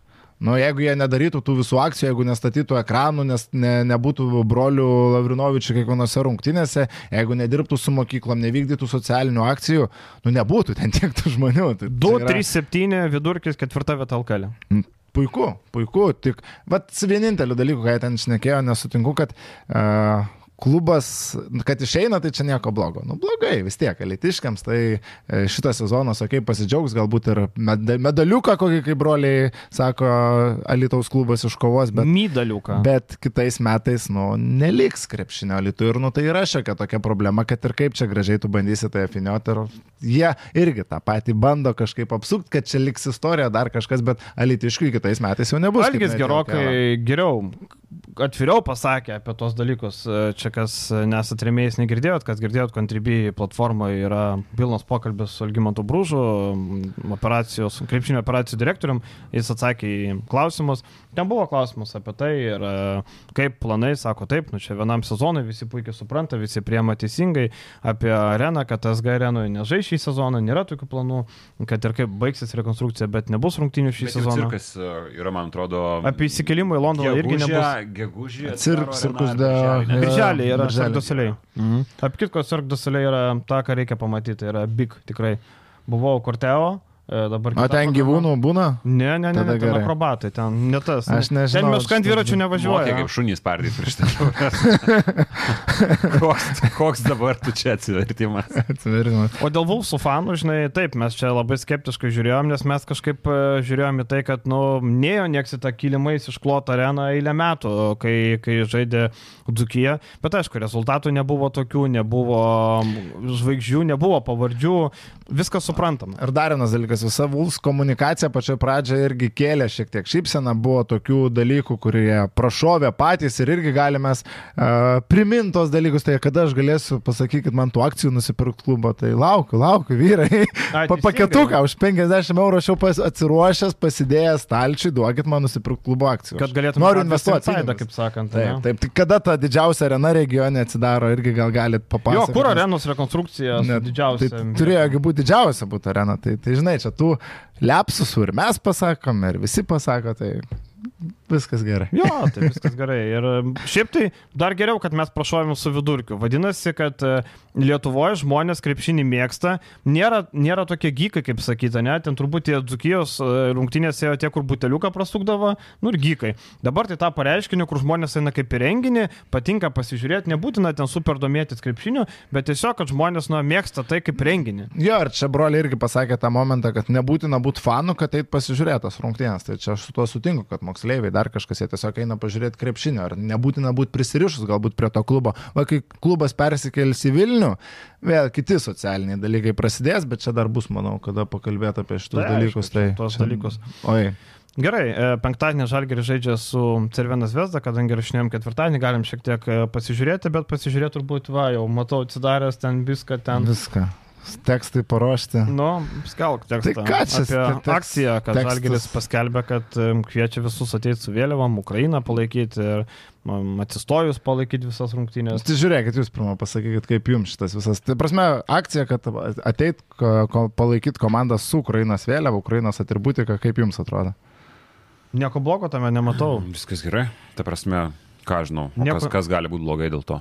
Ne, Čia Ukrainos vėliava man labai nepatiktų, jeigu būtų kažkokie tai fuck you Serbia ar dar kažkas. Tai man šitas nepatiktų, aš neturiu nieko prieš kaip apie valstybę ar dar kažką, nes, nu, vis tik čia yra Serbija, čia mes ne apie Rusiją kalbam. Bet kad uh, vis tik kaip valstybei, kuri palaiko, kas vėlgi įdomus momentas, mes kalbėjom čia, tai jinai palaiko tarsi didžioji dalis žmonių, ten yra apklausos padarytos, kad jie palaiko Rusiją, bet Vučičius, šalies prezidentas, sako, Uk- Ukraina, Serbija už Ukrainą, taigi Taip, taip. e, Krymas tikrai visada buvo ar bus su Ukrainos, mes įdomu, pat perink šitą čiūvą Serbiją, aš kažkaip. Jam pizdėts gali būti dabar. Taip, bet suprantate, jisai ką pasakė, bet jis duoda pinigų ir Zvezda ir Partizanų, tai perinks. Taip, taip, yra šitas dalykas ir, ir kitas dalykas, Serbija siekia narystės Europos Sąjungoje, lyg tai jeigu neklystu, mm -hmm. tai už šitą galėjo aišku irgi prieš tai patrumpinti už tas visas jų mintis Sąjungo. Bet čia nukrypimai, nekalbėkime apie tokius dalykus.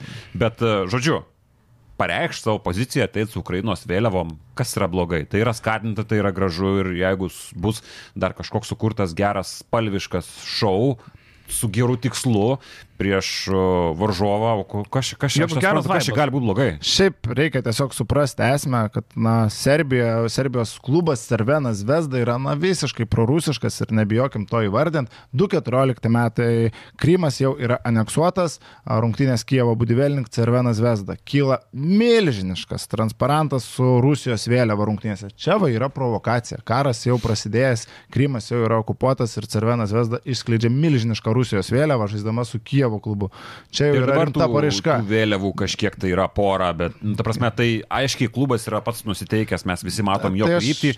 Ir sakau, tiesiog uždarau iš savo pusės, kad aš net nesuprantu, kodėl gali kilti kažkokių neigiamų reakcijų, kai yra tiesiog taikus vėliavų demonstravimas. Ne, ne provokuokim varžovus su fuck you Serbija, nereikia kažkokių tai kitokių vėliavų galbūt kelt. Ukrainos vėliavos. Viskas labai gražu ir tvarkinga. Aš nesuprantu, kodėl gali kilti dar kitokių minčių, kad čia kažkas yra Visiškai sutinku, tik aš vat, norėjau pagrįsti tą faktą, kad a, supraskim, kad serbams nėra vienodai. Serbai yra pasirinkę aišką pusę, ypatingai kalbėkime apie Cervenas Vesdas ir Galius. Jų oficiali draugystė yra su Maskvos Spartak klubu, tai yra oficiali draugystė, kraujo sąjunga, kaip galima pasakyti, ir tai yra Spartak ir Cervenas Vesda.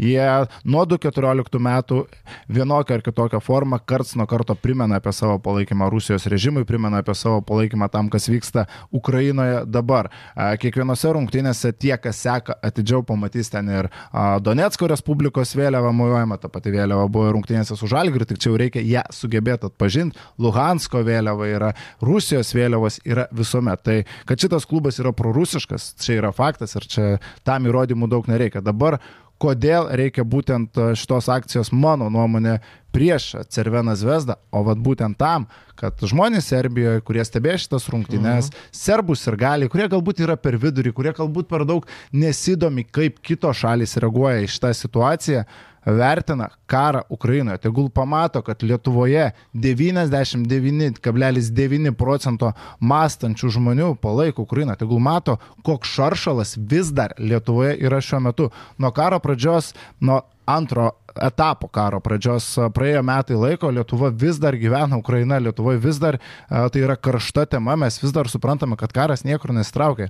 Apie tai reikia priminti ir geriausias mačas, tam tinkamiausias yra būtent su Cervenas Vesda, kada daugiausiai priešiškai nusiteikusių žmonių yra a, sutelkusių dėmesį iš tas rungtynės. Taip, reikia a, tą paramą rodyti kiekvienų rungtynių metu ir tai yra daroma. Žalgerios ir galiai kiekvienose rungtynėse turi pasikabinę Ukrainos vėliavą, kiekvienose rungtynėse yra skanduojama tas pats Putin huilo, kiekvienose rungtynėse skanduojama Slavų Ukraina. Tai yra daroma.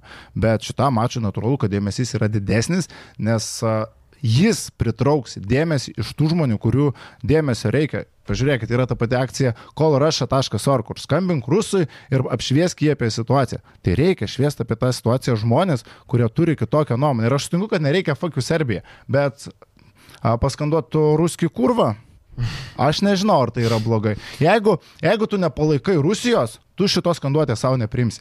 Jeigu tu palaikai Rusiją, nu tai mano nuomonė, tu esi tas, kas yra skanduojama. Nu ir jo labiau, kad jo visiškai pritariu, kadangi Serbijoje krepšinis yra labai populiarus ir Eurolygoje tu nepajausi praktiškai niekur. Valencija turi pasikabinus vėliavą, aš nežinau daug kur, ar, ar labai daug kur yra, bet uh, atrodo, kad labai daug kur nėra uh, jokių atributikos priminimų, kad nu, tai yra iš tikrųjų žiauriai svarbus dalykas. Mes galbūt susigyventi pradedam kažkiek per einančius metus, bet nu, čia yra prasme, nesibaigia atakavimai, pasakykite tai Kievo gyventojams, kurie tiesiog mato savo sugriautus daugiabučius, mirštančius vaikus ir panašiai. Ir kiekvieną dieną mes matom žiniuose, gaunam signalus, kas ten vyksta. Nu, tai yra absoliuti tragedija ir tai tęsiasi ir tai netgi aštrėja. Ir sako, kad per artimiausius mėnesius tai dar paaštrės su padidinta Rusijos mobilizacija. Bet kalbant grįžtant apie krepšinį, tai serbai kaip krepšnio fanai, ko gero daug kur to nemato ir jie galvoja, kad Europai dzin ir čia nesvarbu vakarų Europai, bet mes kaip E, viena masiškiausių, be pačių serbų masiškiausia arena, tai yra Kauno Žalgirio arena, šitą pilniausiai su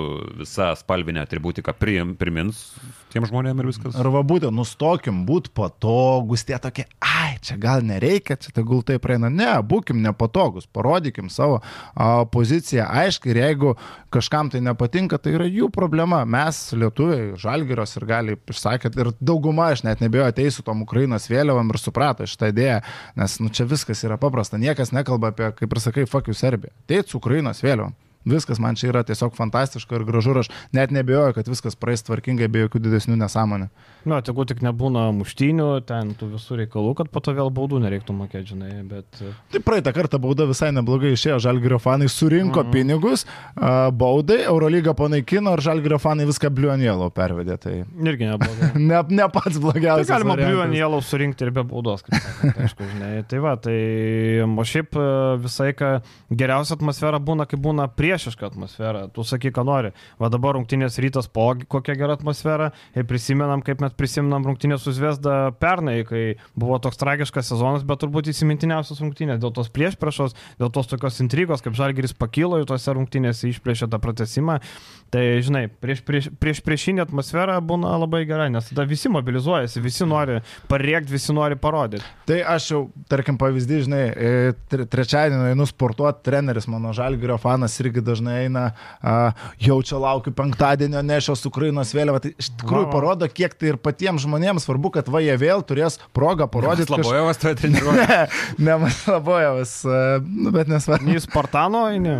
Ne, aš Fighters, Fighters Factory, nu, tai va treneris irgi eis Ukrainos vėliavą ir parodo, kad žmonės vėl nori parodyti tą poziciją. Prisiminkim, karo pradžia, visi rinkosi prie Rusijos ambasados ir irgi protestavo. Tai irgi, nu tai ką, tai nieko nepakeitė, bet žmonės norėjo išreikšti savo poziciją dabar irgi priešiškai nusiteikusiems asmenims, priešiškai nusiteikusiai organizacijai parodoma savo poziciją gražiai, stipriai ir aiškiai. Bravo. Prisiminkim praėjusius metus Erono Vaito situaciją kai žmogus e, pasisakė, kad jisai norėjo pakeltą transparantą, bet jam neleido klubas. Ir šeima, vaikai, jis pats, kokį heitą, kas seka Teroną Vaitą, galėjo matyti, kokį heitą sugėrė iš serbų pusės tada Vaitas. Vien tik dėl to, kad jisai pasakė, kad norėjo palaikyti transparantą su ukrainietiškom spalvom ir viskas. Kokių patyčių, kokių grasinimų susilaukė Aronas Vaitas. Nu tai labai daug ką pasako. Čia mes, kad pamojuosim vėliavėlėm ir pareikšim savo tiesiog pilietinę labai gražią poziciją, kas čia gali blogo? Taip. Um, liekant prie Eurolygos finalinio ketvirto bilietus išgraipstė labai greitai. Turiu klausimą iš karto vyrai. Nu. Jūs man paaiškinkit, kaip 18 procentų ispanų ten gali būti? Aš ir taip galvoju, ir taip mačiau, okei, okay, graikų kažkaip. 2 procentai britų lietuviai. Taip, čia 100 procentų. Graikai, turkai, aš viską suprantu. Ispanai, aš pradėjau galvoti, gal ofisas Eurolygos yra Ispanija ir ten kažkokiam VIPam pirko ir parodo taip. Nu, tai jie turėtų bilietus, kam jiem pirkti. Nu, bet kažkiek, aš nežinau. Kažkiek yra, žinau, tikrai ne vieną Ispanijos e, lietuvį, kuris tikrai žada atskristi. Bet tai 19 procentų, jo, daugiau bet, negu e, turkų ir graikų kartu sudėjus. Kažkur yra šuo pakastas, kadangi Eurolygos gal tie patys e, nariai gauna kažkokius arba patys nusipirkti. Aš nežinau, Bet tai kažkur yra, nepirktų. Bet, bet yra, Eurolyga jo, nepirktų. Bet čia manęs. Man Kažkur yra, nes ispanai nekeliauja, čia nėra taip. tikrai. Ne, Man irgi nekeliauja. Tikrai nebus taip Eurolygos finaliniam ketvirtė, kad tūkstantis e, Fenerbakčia, tūkstantis ten, tarkim, Olimpijakos ir trys tūkstančiai realų. Bet palaukit, Tas Hebra, bet palaukit. Skaičiais tai nėra tiek daug, ne? Tarkim, arena yra 15, Čia iš atimam 8,5 Vipusą. tūkstančių dabar jo, tai yra. 8,5, nu tai kiek čia yra 10 pro 800, pusantro tūkstančio. Daugiau biškai, nu jo, pusantro Nu, tai tūkstančio. tebūnė lietuvių nupirko kokių 500 ir 1000. Bet vis tiek tai yra daugiau negu graikų kodėl. Barsos fanai negali nupirkti? Kodėl Nes realų negali? nekeliauja. Nekeliauja. Jie Kam nekeliauja. nekeliauja? Nu aš atsimenu, kai aš buvau Final Four Milane, Berots Milane, tai buvo Bet palauk, nu, tai buvo, nusipirksai klubas paleis tuos 800 savo. Tai nusipirks kažkas iš Bet tai nėra didelis sk- skaičius tūkstantis bilietų. Bet žiūrėk, klubas yra išskiriantis po 600 bilietų Taip, kiekvienam, taip, taip. uh, Eurolyga išskiria po 600 bilietų kiekvienam klubui, ar ne? Tai normalu galvot, kad ko gero, nu ar Žalgeris dabar pirktų, jeigu vyktų ketvirtas kur nors Berlyne, ar Žalgerio fanai dabar labai taip masiškai pirktų bilietus į ketvirtą, net jeigu ir tikėtų, galbūt tokia dalis nusipirktų, bet iš esmės tai yra tie bilietai, kuomet ateina tau su 600. Na taip, dabar, žinai, laukt, kad tikrai pateks tavo komanda ir ispanai. Nu, man Gal tas ispanas. Turime omeny šitą faktą, kurį ką tik pasakiau, ir kitą faktą, kad ispanai nekeliauja. O gal VPN naudoja? Vat čia va variantas. Bet tai kodėl- ispanišką? gal lengviau iš Ispanijos. Čia kažkur šuo yra pakastas, aš nežinau. kur, Aš, bet e, bandžiau- Kad nebus kaune 3000 ispanų, nu, aš jums galiu garantuoti. Tai nereikia 3000. Aš šiaip e, žiūrėjau, kaip e, bilietai LT tą sistemą reaguoja skirtingus VPN'us. Bandžiau į Ameriką, bandžiau į Ispaniją, Italiją, Juotkalnyje, Serbiją. Visur. Ispaniją bandai? Bandžiau visas. Bandžiau daug skirtingų šalių, Eurolygos šalių, ne Eurolygos šalių. Vis tiek tu stovi tą eilę. Tarkim, liet, e, lietuviškai prisijungus, aš šaliai stovėjau kokią 10 minučių, kol prieėjau iki bilietų. Ten metas skirtingose sektoriuose po vieną bilietą, žinai. E, kiti ten ban- bandydavo refreshinti su F5 kas kažkiek laiko, kažkam pavykdavo sumedžioti. Nors realiai tu eiliai stovi, tai kaip ir nu prie duonos eilė, ateis tavo eilė, nusipirksi. Tai nežinau. E, bet šiaip tikrai keista, kad jis Bet ir šiaip galim sakyti, kad biškai prašojame. Aš negalvojau, kad toks masinis anšlagas bus iš užsieniečių pusės vis tiek procentaliai daug nusipirko. Aš buvau garantuotas, kad lietuviai pirks. Jo, bet žinai, yra tas momentas, kiek tu sakė, 8,5 yra išpirkti bilietų. Uh, Šių kokie 3-5 procentai. 5 yra lietuvių. Pridėk pro užsienį pirkusius Britų lietuvius, du. Britus, Ispanijoje, Vokietijoje ir taip toliau. Tai lietuviai. 40 keli procentai nu, lietuvių. Nėra čia Čia pala, dar tu masiškai labai 17 procentų kitos šalės ten bus ir Norgės bus nupirkę, Taip, taip, ir taip. Danų, ir Airių bus Taip, nupirkę. iki 50 procentų lietuvių, nes už, užsienio Tai lietuvių. tuo tikrai pačiu čia motyvūnas kažkiek prašovė, sakydamas, kad čia yra Gerokai prašovė. 10 procentų lietuvių maždaug. Jis 10 Sakė procentų 10? paminėjo. Nebeatsimenu. Jeigu neklystu, tai aš 10. klys, bet lyg ir 10 buvo. E, Tai čia nėra tiek jau labai masiškai super daug fanų, kurie tau sugeneruos uh, didžiulį kažkokį. Gal ir gaunasi tie skaičiai, aš visiškai nesu įsigilinęs į skaičiavimus, pačius, ką jie pateikė uh, savivaldybei, ką jie pateikė vyriausybei ir panašiai, nes tos pre- prezentacijos buvo padarytos labai kietai, bet, nu, kol kas taip netrodo. Bet iš esmės, kad bus finalo ketvirtas su labai gera atmosfera, tai čia faktas. Šiaip aš pradedu galvoti, kad Kaunui reikia didesnės arenos. Blemba, kiekvienos rungtynės soldautas, finalinis ketvirtas, išpirktas, nu reikia panašu Kaunui 20 Pernai kelių tokiu metu tą arenos. patį sakytum. Jo. Pernai Ne, tokiu metu irgi turbūt. ja. Bet, nu, blemba. Nu, žinai, jeigu Žalgeris būtų 40 milijonų biudžeto komanda, sutikčiau su tavim, kuri būtų realas, stabiliai rodytų gerus rezultatus ir turėtų aфиgeną komandą, bet Žalgeris tokia nėra. Tarkim, šį sezoną, kaip galvoja, 20 tūkstančių rinktųsi, jeigu 20 būtų. rinktųsi. 20 rinktųsi, aš ir galvoju. Surinktų, aišku. Ne Kažkaip- kiekvieną, ne kožną dieną, kaip sako, bet e, susirinktų kažkiek, bet aš tai nemanau, kad reikia. Ne, nu, aš Kaunui. šiaip tokį utopinį šau. Čia tikrai labai- nebuvo, kad blemba, hebra sėdam, statom naują. Sumetam babkių ir statom. Nebent greunam sieną, mane greunam sieną, sakau, nebent Žalgeris būtų stabiliai grandas, tada taip, tada taip, žinai, bet matom, kad pasitaiko sezono, kai būna ta arena netokia linksma, tai žinai. E, pažiūrėsim, kiek ten tų sirgalių suvažiuos, įdomu, suskaičiuos tas galvas, lietuvis, nelietuvis, kiek atvažiuos, turizmo departamentas turėtų skaičiuoti šitos dalykus ir pateikti skaičius vėliau, nes tai eina bendros ataskaitos šiaip.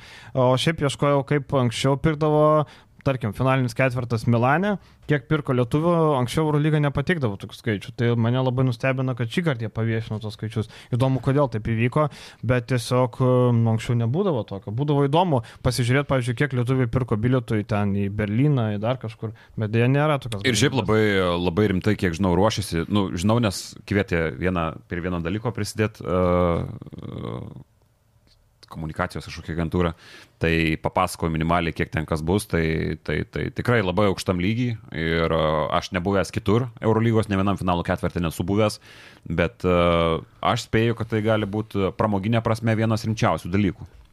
Jo, gal pabaigai pažiūrėkim Eurolygos pasirašymus. E, vis tiek jau debutas įvyks, e, kad e, Dibostas atvyko į Asvelį, pakeitė jau minėtą Jacksoną Cartwrightą. Dibostą atsimenam, pasirašymas toks.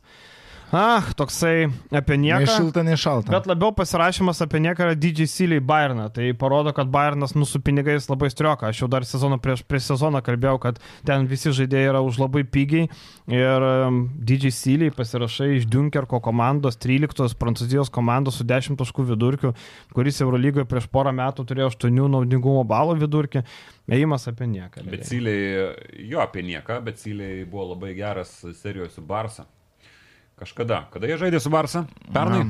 Ar kada? Pernai jo nebuvo. Tai užpernai žaidė. Jisai pernai būdų. Bet ne prieš Barsą. Ne prieš Barsą, prieš uh, Milaną. Taip. Labai neblogos rungtynės turėjo tada, bet aišku, jau praėjo nuo to daug laiko. Nu, apie nieką dažniau. Jo, bet man apie nieką ir Dybosto pasirašymas. Taip. Rimčiausias pasirašymas iš šitų užsienio kalbos Monake, be abejo. Monakui tikrai labai daug duoda.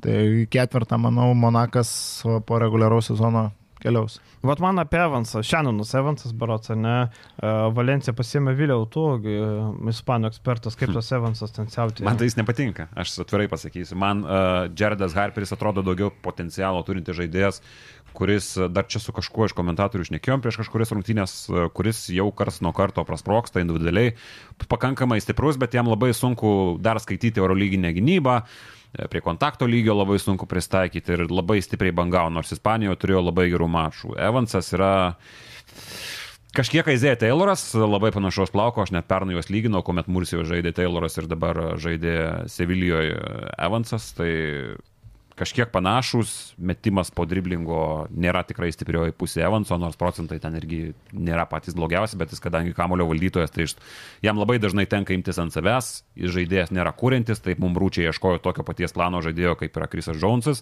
ir kaip yra Džerdas Harperis. Tai dabar pasimtas visiškai to paties plano žaidėjas.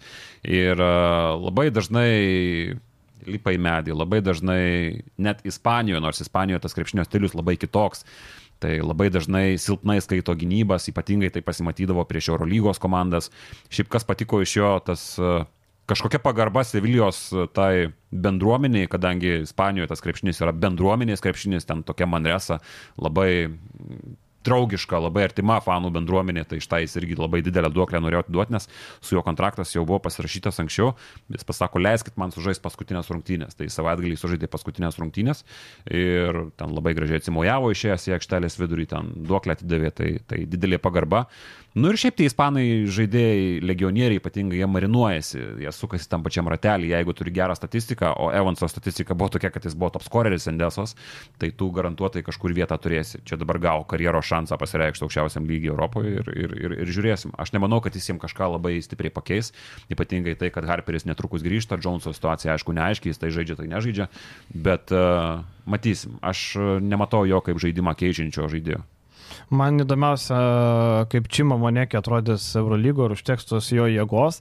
E, tai gerai, realiai Monakas pakeitė, pasistiprino vietoj Mormono, Monekė, tikrai sustiprinimas, bet dabar Jonas Braunas. Ir kitokio tipo žaidėjas. Jo, visiškai galės mačiau ant momentas. suolo pasidėti Jonas Braunas šiek tiek, mažiau minučiam lieka akivaizdu, nes Monekė tikrai atvažiuoja ne 10 minučių rungtyniauti. E, Monakas tokį įsitraukė labai gerą, bet mane stebino, kad Želko Bradovičius nežino Monekės, tai po kokio akmenį jisai gyvena. Prikoli. Na, aš ten galvoju, tiesiog Sakai? tai taip su, sureikšmino. Nu, Bet taip, o tu girdėjai, kaip jisai sakė, nes man tai jo tokia nuostaba buvo nuo širdį, maždaug, kai tu man pasakytum kažkokį žmogų, kur aš nepasakyčiau, kas čia toks. Nu, man atrodė nuo širdį, nežinau. Nu, aš Nu, kažkaip matai, uh, uh, Monekė prieš dviejus, nu, pustrečių metų dar žaidė Prancūzijos antrojo lygui. Mhm. Uh, Manresoje žvėrišką sezoną jis sužaidė tik vieną, nors aišku, šiaip jau vieną iš uh, čempionų lygos MVP tu turėtum žinot, kaip Obradovičius, ne? Žiūrėk, mes vasarą žinojom, kas yra Moneke, praėjusį sezoną jau žinojom, kas yra Moneke, nu žinojom. Tai kad Želko Bradovičius nežinos, nu čia aš netikiu. Nu, bet žinok, iš to video, kuris jisai kalba, atrodo nuoširdžiai. Nu, tikrai, nu, žinai, iš konteksto nu, atrodo, kad gal pabairavo, bet jisai nuoširdžiai nežinojo, tipo, kas yra Čimo Monekė. Tai jeigu serbiškai, jeigu supranti rusiškai, tu supranti ir serbiškai, biškai, kai jis išneka, nu, tai atrodo, kad tikrai jisai nuoširdžiai stebis. Tai... Ir šiaip su Johnu Brownu dar lyginant kažkas kažkur prisės ar neprisės, aš dar nesakyčiau taip, Monekė, okei, okay, jisai atvažiuoja iš NBA, bet uh, jis žaidė tik tai pernai, pirmą rimtą savo sezoną. Ten NBA jis net nežaidė skaitai. NBA NBA jisai nežaidė, jisai gavo kontraktą, ten buvo tas, kaip sako, tam pasaulyje reikiamų laikų, reikiamų vietoje, Nes Saša nepasirašė. treniruočių stovykloje, viskas ten buvo gerai, gavo kontraktą smagu, bet jisai NBA nežaidė Kings mačai. Tai jam Tai. šitoj aukščiausio lygoje bus pirmas sezonas ir čia iš karto uždėti etiketę, kad atvažiuoja Čimo Monekė ir čia mes jau turim kažką. Nėra taip. Braunas vis dar. Plius dar tokioje komandoje, kuri turi rotaciją 12 žaidėjų, ne, ir, ta prasme, visos pozicijos dabar su Moneke atvykimu turi po kelias skirtingas opcijas. Tai ten turėti svarbų vaidmenį tikrai nebus lengva, ypač Moneke, nu toks... a, Bet kai turi nėra, pinigų- nėra taškų rinkėjas, sakyčiau, daugiau toks vis tiek tvirto kūno žaidėjas. Ir dabar buvo dvigubą savaitę, dar nepamirškim to faktoriaus. Aišku, jis dabar nežais, bet Janis Makundų, 22 metų žaidėjas. E, Polimo indėlio iš jo nereikia, kai tu turi tiek kamulio valdytojų, bet dvigubą savaitę rungtynės su Oli ir rungtynės su Zvezda. Gynyboje, ypatingai su Oli, buvo labai geros rungtynės ir e, įdomus jo vaidmo dar iš to situacijų. Aš pabaigai noriu dar ir vieną klausimą, ar galėsim Nu. no. skirstytis. Kiek e, laiko kreditą duoda Džalgrio naujokam, kada jau maždaug, e, jeigu nedeliverins pradėtumėt burbėti, jau tie pirmi užsiminimai, kad čia gal blemba grybą pjauna, čia apie Taylor ar Polonarą. Aišku, pirmą savaitę tai čia, nu, reikia būti, nežinau, analfabetų, kad e, kritikuoti žaidėjus atvykusius prieš dieną, bet vis tiek tas kažkoks terminas turi būti, kada jau tu pradedi reikalauti neblogo rezultato, tarkim, iš Polonaros ir Tayloro. Ai, kada galima? Nu gerai, pagalvokim apie Taylorą, Polonarą. Nu, duodam du mėnesius. Daug duodi. Nu, Kažkaip kažkaip. duodi, žinant tai, kad abu žaidėjai iš klubų atvažiavo. Aš taip, bet, Aš- nu, žinai, aš- tarkim, e, Taylorui gal daugiau laiko, nes jis žaidėja, žinai. Mm. Uh, bet kas yra geras, o kas yra blogas? Jeigu Polonaras žais taip, kaip žaidė su šiauliais, nu, tai tada po mėnesio tu matysi, kad jis nu, tiesiog skylę nepataiko, daugiau nieko nemoka. Tai jeigu nepataiko skylę, tai jau labai blogai. Jo, bet čia žinai, kad nepataikė su šiauliais, tai aš čia tuo labiau visiškai nesureikšminu, kaip tik davė rungtynės, jis žais davė tų metimų, išsimestų, nesukrito. Tai... Nu, tai aš sakau, jeigu ir toliau nesukris tokiame. Jo, jeigu tai bus dar ke- keturių rungtynių tokia serija, mes turbūt nesitikim, kad Polonarė iškart irgi taps ten kažkokiu max lyderiu, nes nu sunku sezono vidurėje. Nu, iki kovo pirmos. Ypač aukštaugiai. Iki kovo pirmos, Bet- pusantro mėnesio. Nu, aš tikrai ne, ne, negalvoju, kaip Židrūnas Rubonas, kad jis bus penkių taškų Eurolygos žaidėjas. Tai aš galvoju, kad jau maždaug po poro savaičių mes turėsim tų jo blikstelėjimų ir tai bus mačų, kai Polonarė bus vienas iš polimo lyderių. Ką tu manai? Kada tu duodi? Jau aš galvoju prieš Zvezdą. Aš iki kovo aš su. Zvezda tikiu, kad Polonarė šaus, jeigu taip. Mano moteriškai nuojauta kartais neapgauna, tai va. Duodi, duodi, neduodi, nėra ką duoti, kadangi jie komandos nepaliks, man atrodo, iki sezono pabaigos. Tai čia, ką mes burbėsim, tai tiesiog e, nieko nereikš. Nu, bet jo, iš esmės tas laikotarpis yra, matai, Polonaros blogas žaidimas dar netiek skauda. Blogas žaidimas iš Tayloro labai skaudėtų pusės, nes uh, vis tiek Polonara niekada nebuvo ir nebuvo žaidėjas, kuris uh, ilgą atkarpą temtų. Jis gali, kaip Baskonė, jis net nebuvo tempintis, net ir e, labai ryškiai. Nu, su Pierre Henryje tą sezoną buvo. Jo, bet viskas nuo gynėjo to prasideda, jeigu tu neturi gynėjų, kas tą kamolį įsuks, pavyzdžiui, elementari situacija, nu, tai tu nieko ir nepadarysi. Čia Tayloras yra svarbiausia. E, Tayloras irgi, kas yra žais, nežais. Man atrodo, Tayloras, jeigu jis bus toks, koks buvo su Virtusu, tai jau yra žais, tai jau yra neblogai, nes jis nėra aukštų akcijų žaidėjas. Bet jo, nu kažkur dar mėnesis, aš sakyčiau mėnesis, nes vis tik abu žaidėjai yra ritme. Ir viskas priklausys, aišku, nuo komandos rezultatų. Jeigu komanda laimėjo, Tayloras su Polonara turi prastus skaičius, tai, nu, kaip ir manau, Bet... vienodai. Šitas nelabai man patinka apie tai kalbėti, nes matai, uh, ką tik atvažiavo žaidėjai, mes labai stipriai čia. nu, tai hypas didelis, faktas. Hypas didelis. Polonara tai tikrai. Ką tik atvažiavę, mes labai daug spėliojam, būriam kažką, bus, nebus, nu, matysim. Kad ir kaip neįdomiai kad tai bus. skamba. Reikia tikėtis, kad bus. Faktas. Gerai, Tikėkis viskas. netikėto. Šiandien užteks. Pasimatom. Ate. Iki. Like ar subscribe. Iki.